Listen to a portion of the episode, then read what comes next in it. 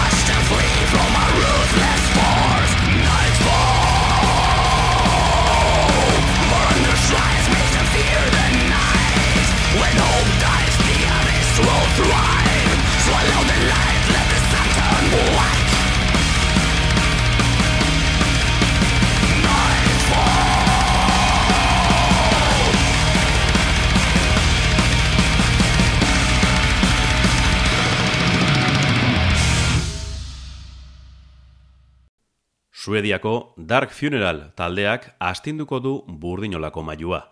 Black metalaren bigarren belaunaldi ilunarekin agertu ziren, eta jatorriari zintzo bezain makur eutxi diote. We Are the Apocalypse disko berriak betidanik izan direna aldarrikatzen du, eta legatu oldarkorrari erreparatzeko unea iritsi da.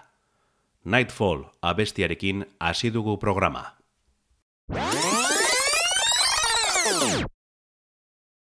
Dark Funeral banda, Lord Ariman eta Black Moon gitaristek osatu zuten larogeita amairuan Suediako Estokolmo irian.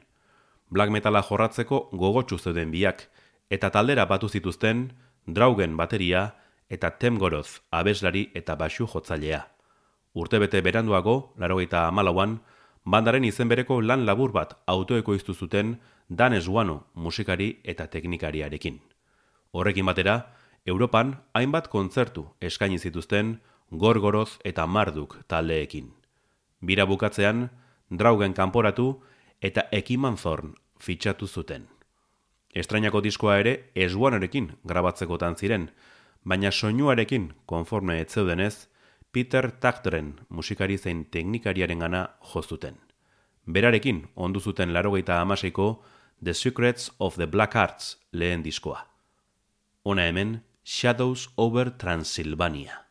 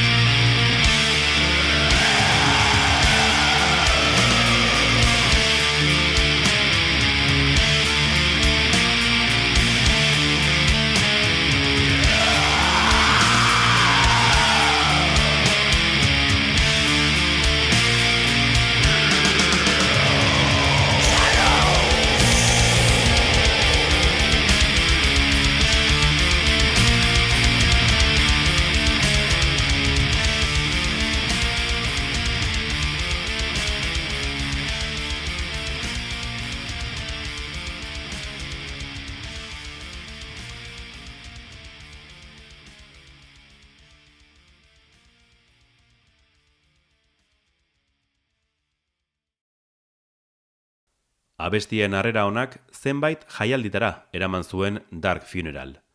Lehen lanaren kontzertu bira bukatzean, Tem Gorozek ustea erabaki zuen, eta garai hartan hipokrisi taldean zebilen abeslaria fitxatu zuten. Emperor Magus Caligula. Etzen aldaketa bakarra izan. Ekimanzorn eta Black Moon musikariek ere ospa egin zuten, eta Lord Arimanek ala moduz bete zituen utxuneak. Tifos gitarista eta Alzazmon bateria kontratatu zituen. Laukotea osatuta bueltatu ziren Abis estudioetara, eta lerogeita emezortzian plazaratu zuten Bobiskum Satanas bigarren diskoa. Kritika onak izan zituen, eta horietako askok abeslari berria nabarmendu zuten. Hau duzue, Bobiskum Satanas.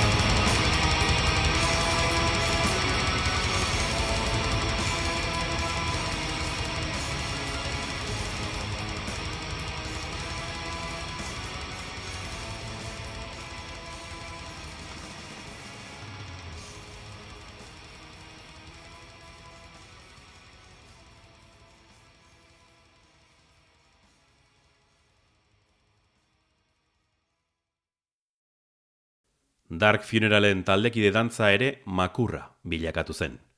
Lord Ariman liderrak batzuk bota eta beste batzuei joaten utzi zien. Horrek ez zuen black metal makina suediarra matxuratu. 2000 garren urtean, Teach Children to Worship Satan bigarren lan laburra kaleratu zuten. Kantu berri bat eta lau bertsio interesgarri ditu. Laukotea berrosatuta, 2000 eta batean, Diabolis Interium irugarren diskoa argitaratu zuten. Dagoeneko jabetuko zineten satanismoa eta deabrua direla suediarren izaeraren oinarria. Hona hemen, The Arrival of Satan's Empire.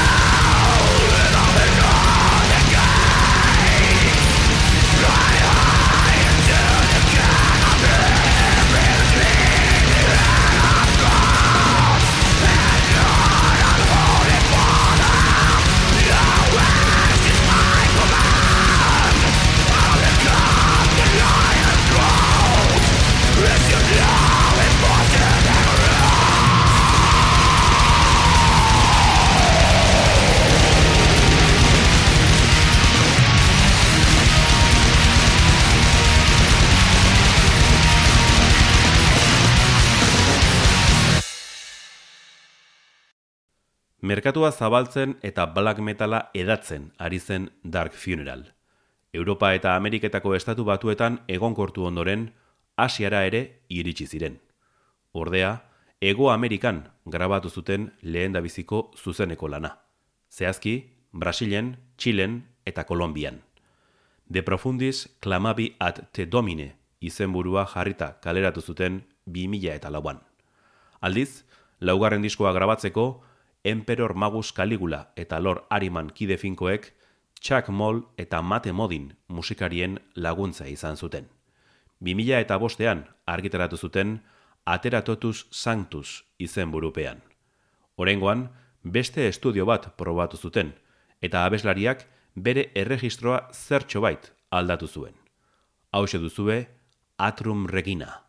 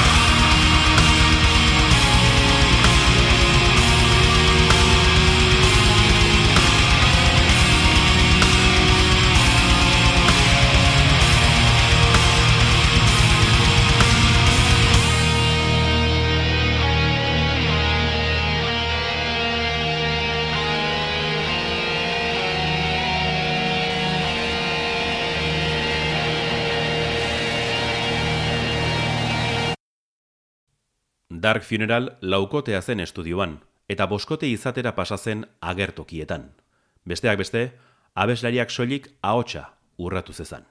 Dena dela, 2000 eta bederatziko Angelus Exuro Pro Eternus bosgarren diskoak hori bera aldatu zuen. Bost musikarik grabatu zutelako. Aipaturiko bigidariek, Chuck Molek, Biforzek eta Dominatorrek.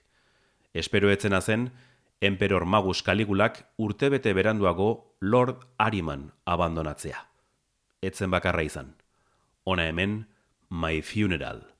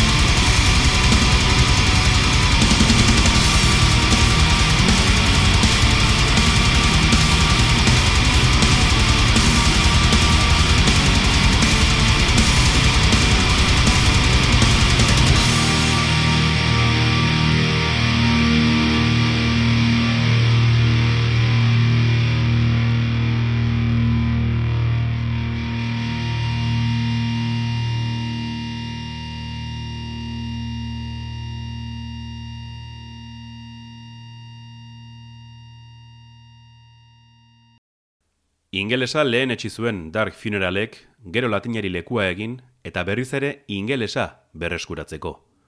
Konturatuko zineten moduan, diskoen izenburu gehienak latinez dira, naiz eta estrenakoaren deitura ingelesezkoa izan. Baita ere, 2000 eta amasiko Where Shadows Forever Rain zeigarren diskoaren izenburua. Austurak gisa, ardaitekeen lana da, berritasunak dituelako. Laukote gisa grabatu zuten, eta Helmardar abeslari berriaren estrenaldia izan zen. Hau duzue, Unchain My Soul.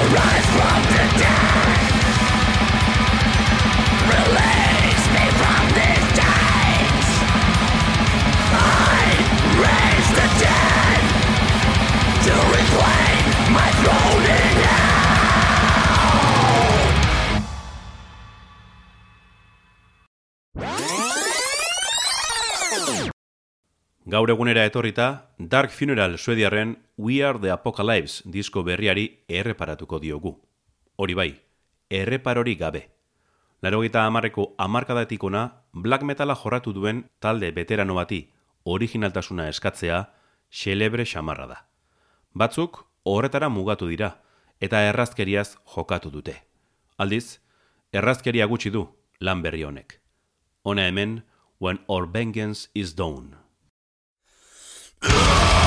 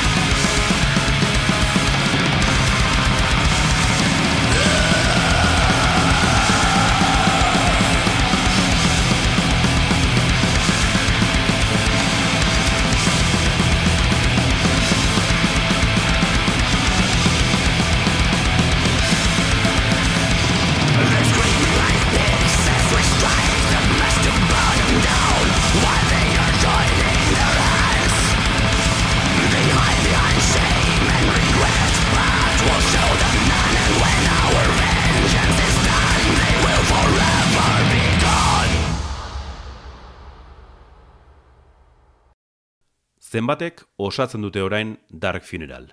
Ba, bostek berriz ere. Eta zeintzuk dira. Lord Ariman gidari bakarra, Chuck Moll, Helmardar, Adramelek eta Jaloma. Bai, azken biak berriak dira. We Are The Apocalypse diskoa ez da beraien ibilbideko onena, eta batez ere ez du azalik ederrena. Horrela ere, black metal bortitz eta erakargarria du bere baitan. Hau duzue, Leviathan.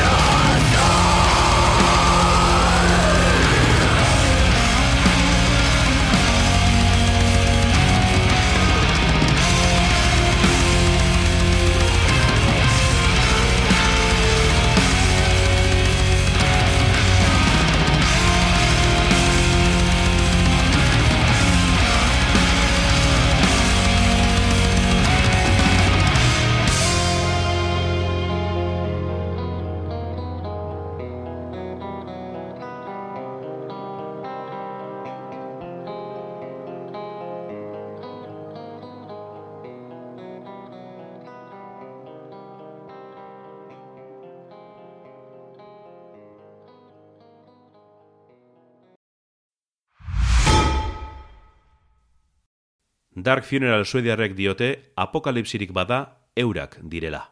Entzule batzuek seguru bat egiten dutela horrekin, baina musika zaratarekin nahastu dezaketelako. We Are The Apocalypse ordea musika da, lehen mailako black metala. Saioa bukatzeko, azken lanetik, We Are The Apocalypse abestia hautatu dugu. Urrengora arte, metal zale.